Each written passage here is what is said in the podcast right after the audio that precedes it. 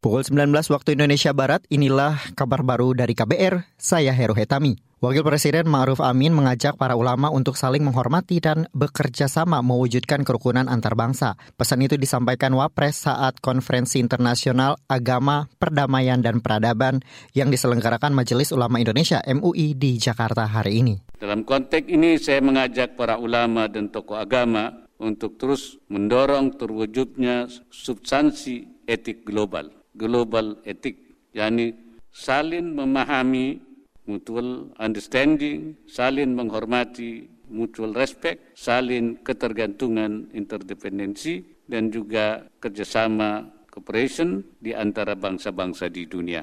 Wakil Presiden Ma'ruf Amin menyebut agama bisa menjadi sarana perdamaian, namun di satu sisi juga menjadi pemicu konflik. Wapres mengakui banyak konflik yang terjadi atas nama agama. Kita ke informasi lain, saudara. Praktik percaloan hingga penipuan tiket konser grup band Coldplay dinilai sangat merusak citra seni pertunjukan di Indonesia.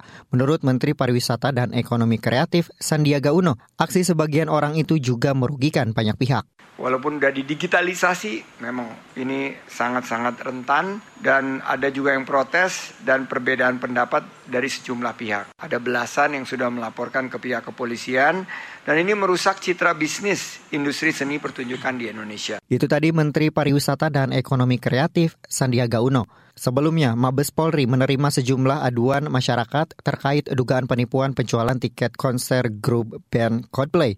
Saat ini, penyidik sedang menyelidiki laporan tersebut ke sejumlah pihak, antara lain ke penjual tiket konser yang dilakukan daring. Konser Coldplay dijadwalkan 15 November dan menjadi penampilan perdana grup band asal Inggris itu di Indonesia. Saudara sejumlah tokoh Nahdlatul Ulama Jombang, Jawa Timur menyomasi pengurus besar Nahdlatul Ulama PBNU. Menurut seorang tokoh NU di Jombang, Abdus Salam Sohib, somasi dikirimkan lantaran penunjukan SK pengurus PCNU 2023-2024 di sana dinilai catat hukum.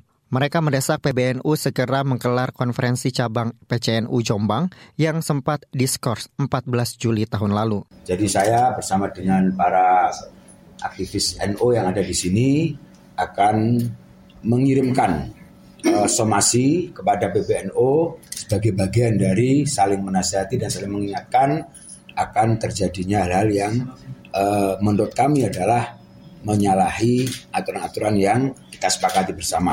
Itu tadi tokoh NU di Jombang, Jawa Timur, Abdus Salam Sohib, yang ikut menandatangani somasi untuk PBNU. Menurut mereka, jika dalam satu pekan somasi tidak ditanggapi, maka somasi kedua akan kembali dilayangkan ke PBNU.